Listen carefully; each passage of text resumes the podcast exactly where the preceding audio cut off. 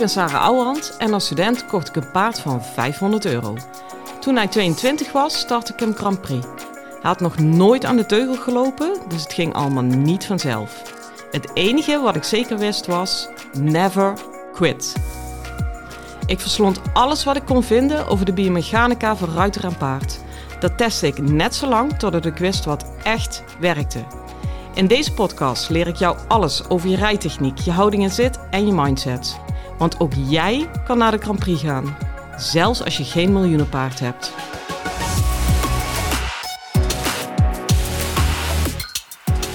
Hi lieve paardenmensen, het is weer zo'n typische januari-dag. Wel een mooie hoor.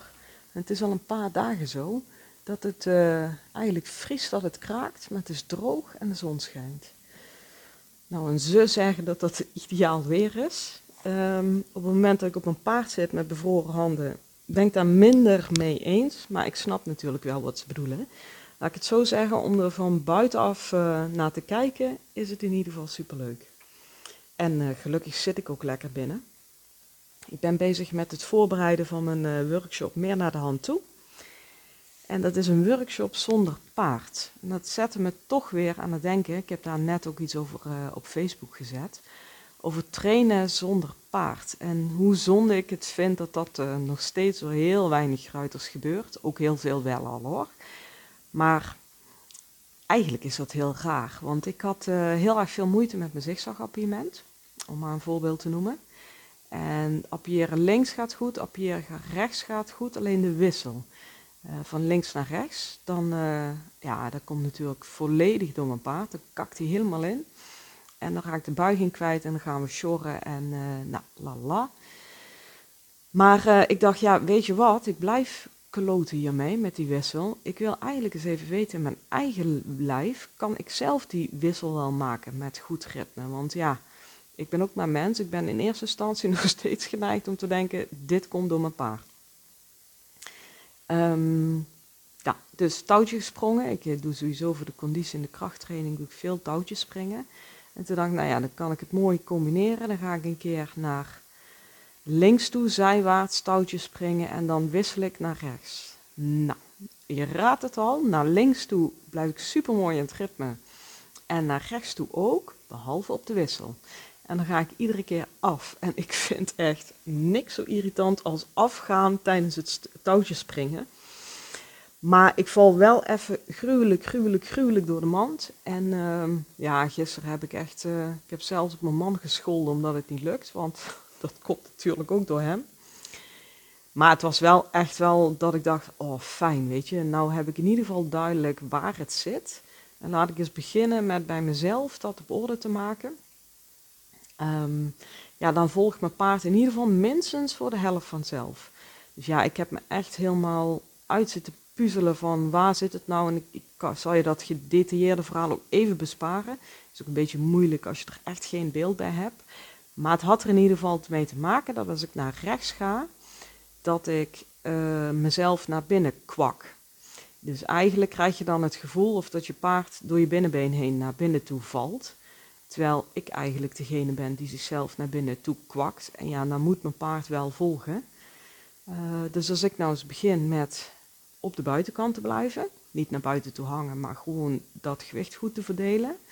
Ja, als hij dan nog een keer door mijn binnenbeen heen valt, dan kan ik hem ook heel makkelijk met mijn rechter onderbeen corrigeren. Um, maar dat is een heel logisch verhaal in mijn hoofd. En ik vond het ook fijn dat ik daar zelf weer eens even tegenaan liep. Dan denk je, nou, dat varkentje gaan we even wassen. En dan denk je toch, hmm, ik lijk wel gehandicapt. Nou, is dat sowieso een gedachte die ik niet zomaar accepteer. Dus dan blijf ik natuurlijk 40 minuten met een groot hoofd doorspringtouwen totdat het me lukt. Het is ook gelukt. En um, ja, s'avonds ben ik gaan trainen. Ik heb er meteen de vruchten van geplukt.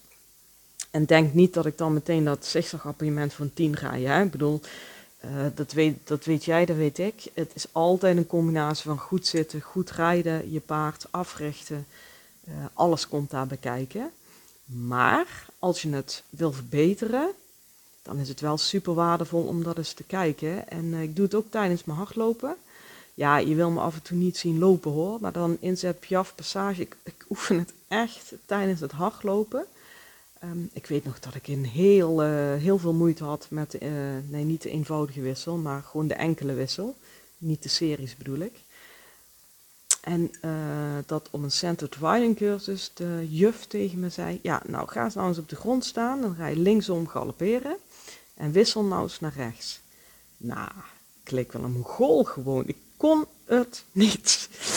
En toen dacht ik, ja, weet je, als dit zo duidelijk is, dat, dat dit in mijn aansturing nog zo ingewikkeld is, ja, wat ga ik dan in paard doen, weet je?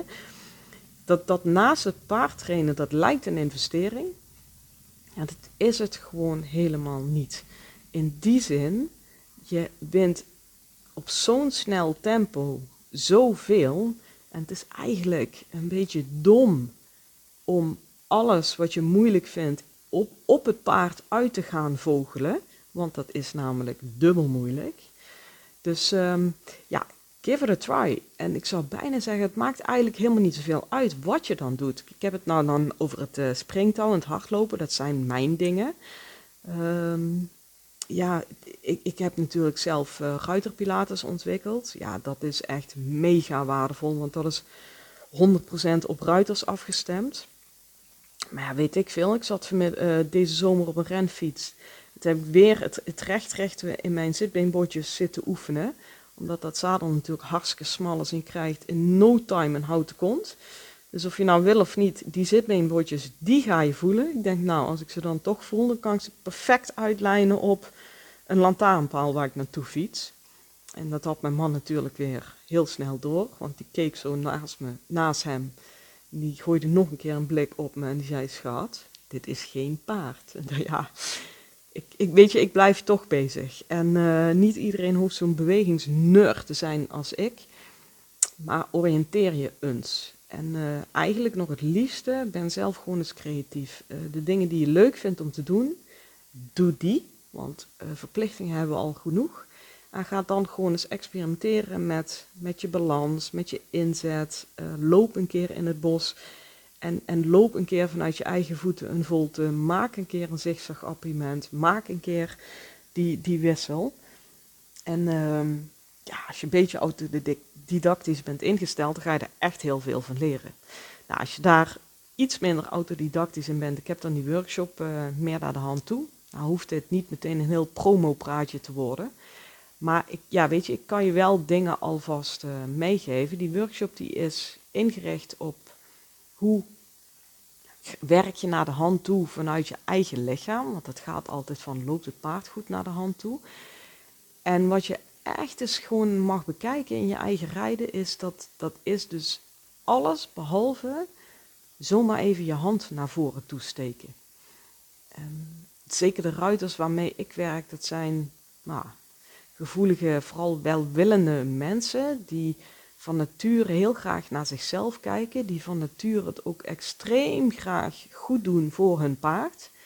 En by the way, ik denk dat bijna niemand voor de grap zijn paard in de weg zit, of bewust, weet je, die echt ochtends opstaat en denkt, weet je wat, Vandaag ga ik mijn paard eens lekker in de weg zitten. Maakt me niet uit dat het zo is, ik doe dat gewoon. Dus ik, ik geloof wel in die zin in de goedheid van de ruiters dat het 9 van de 10 keer echt excessen dagen laten. En die moeten ze ook gewoon lekker in de sloot gooien.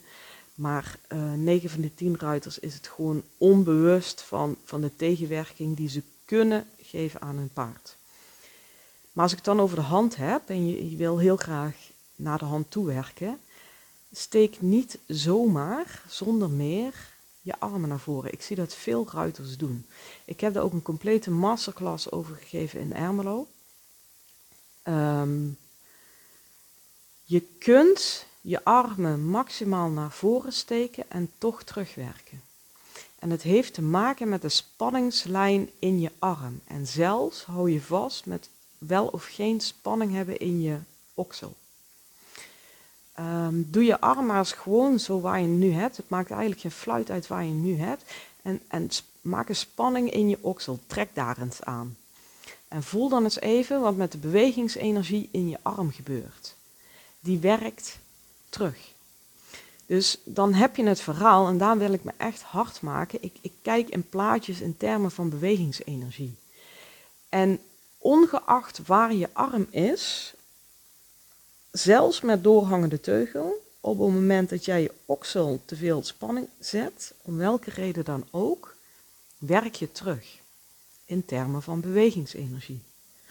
Dus het mooie plaatje zal me heel vaak een totale rotzorg zijn. En het is zelfs zo, je arm kan echt vet achter je ruglijn zijn. En ik zeg niet dat je zo moet rijden in de proef of dat dat is waar je naartoe moet werken. Maar het is echt mogelijk dat je arm achter je ruglijn is. Gewoon in die zin voor het oog, voor het plaatje terug. En dat je toch niet terugwerkt. Als die arm maar zacht is en als je oksel maar zacht is. Nu is het wel zo dat ehm, het niet heel logisch is dat als je arm ver naar achter is, dat je oksel dan nog zacht blijft. Dat, dat gaat meestal niet samen. Hè? Dus in die zin is het wel logisch dat ze zeggen, ja, als je arm terug gaat, werk je terug. Maar dat heeft voor mij eigenlijk geen fluit te maken met de positie van je arm. En um, wat je voor jezelf mag uittesten, dat ligt, echt voor iedere ruiter anders. Je kunt je armen maar tot op een bepaalde afstand van je afbrengen zonder terug te werken. En dat verschilt per ruiter. Je moet voor de grap eens uh, je bovenlichaam, of je bovenarmen, sorry, gewoon uitlijnen naast je ribben. En dan niet alsjeblieft, halleluja, uh, tegen je ribben aanknijpen. Maar gewoon breng ze echt eens in lijn met je ribben, dat je eigenlijk tussen je bovenarmen zit. En dan ontspan je op dat moment even je hele lichaam. En doe dit, denk ik, dat het allermakkelijkste is, even zonder paard. En dan ga je gewoon heel langzaam je armen steeds verder vooruit brengen, totdat ze uiteindelijk gestrekt zijn. En ga nou eens kijken, waar zit jouw grens in jouw lichaam?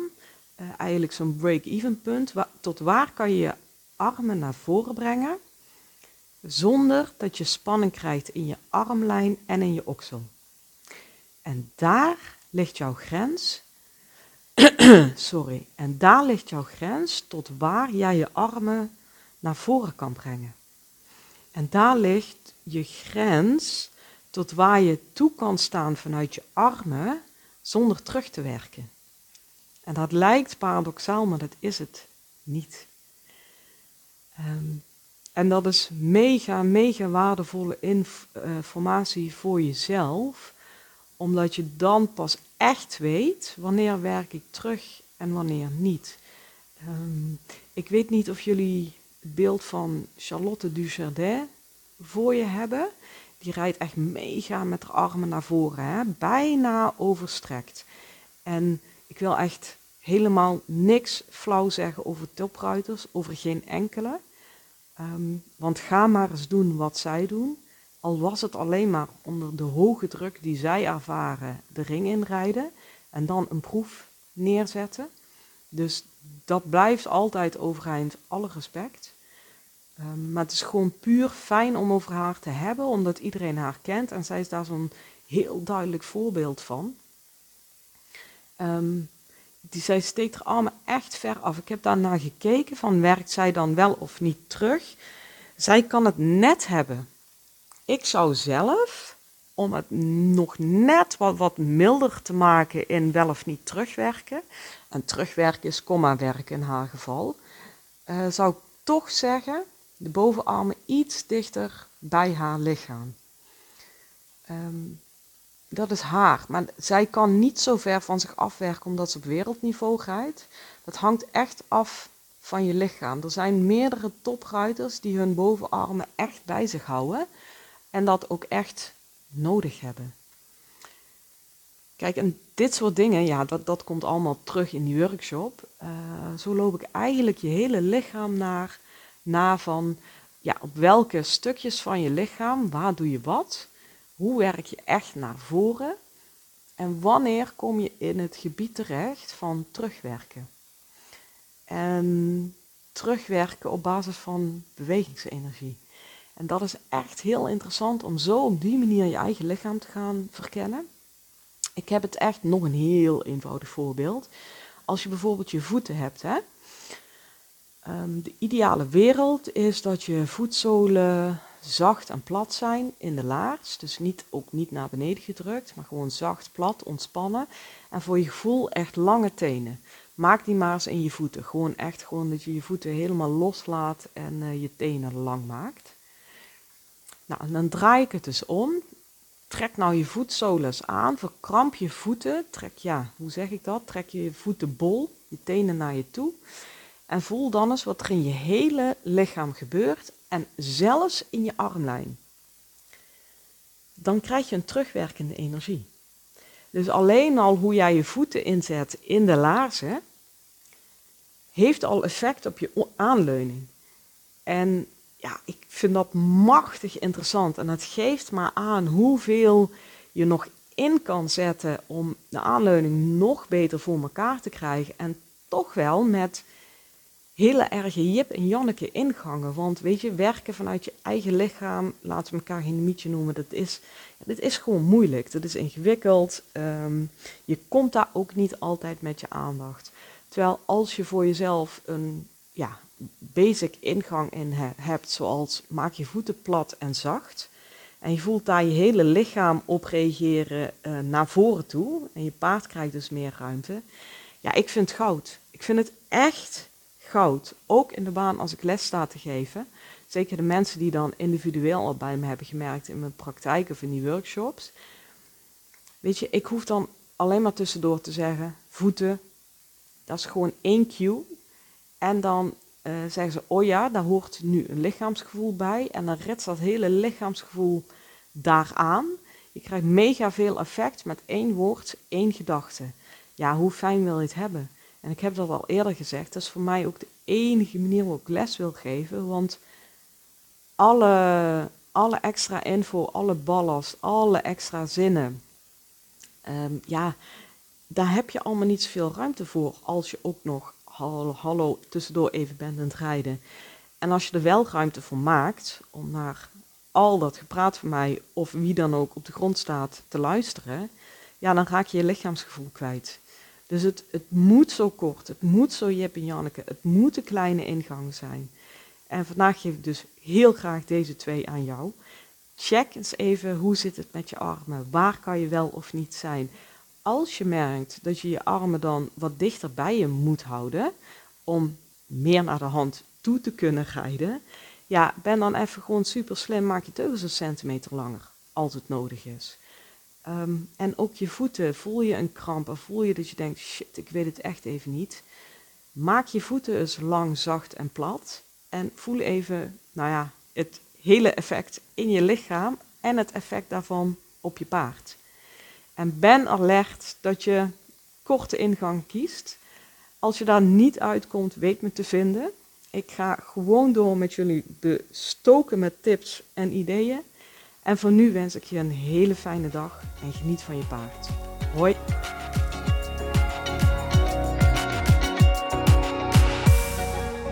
Lieve ruiters, dit was hem weer voor vandaag.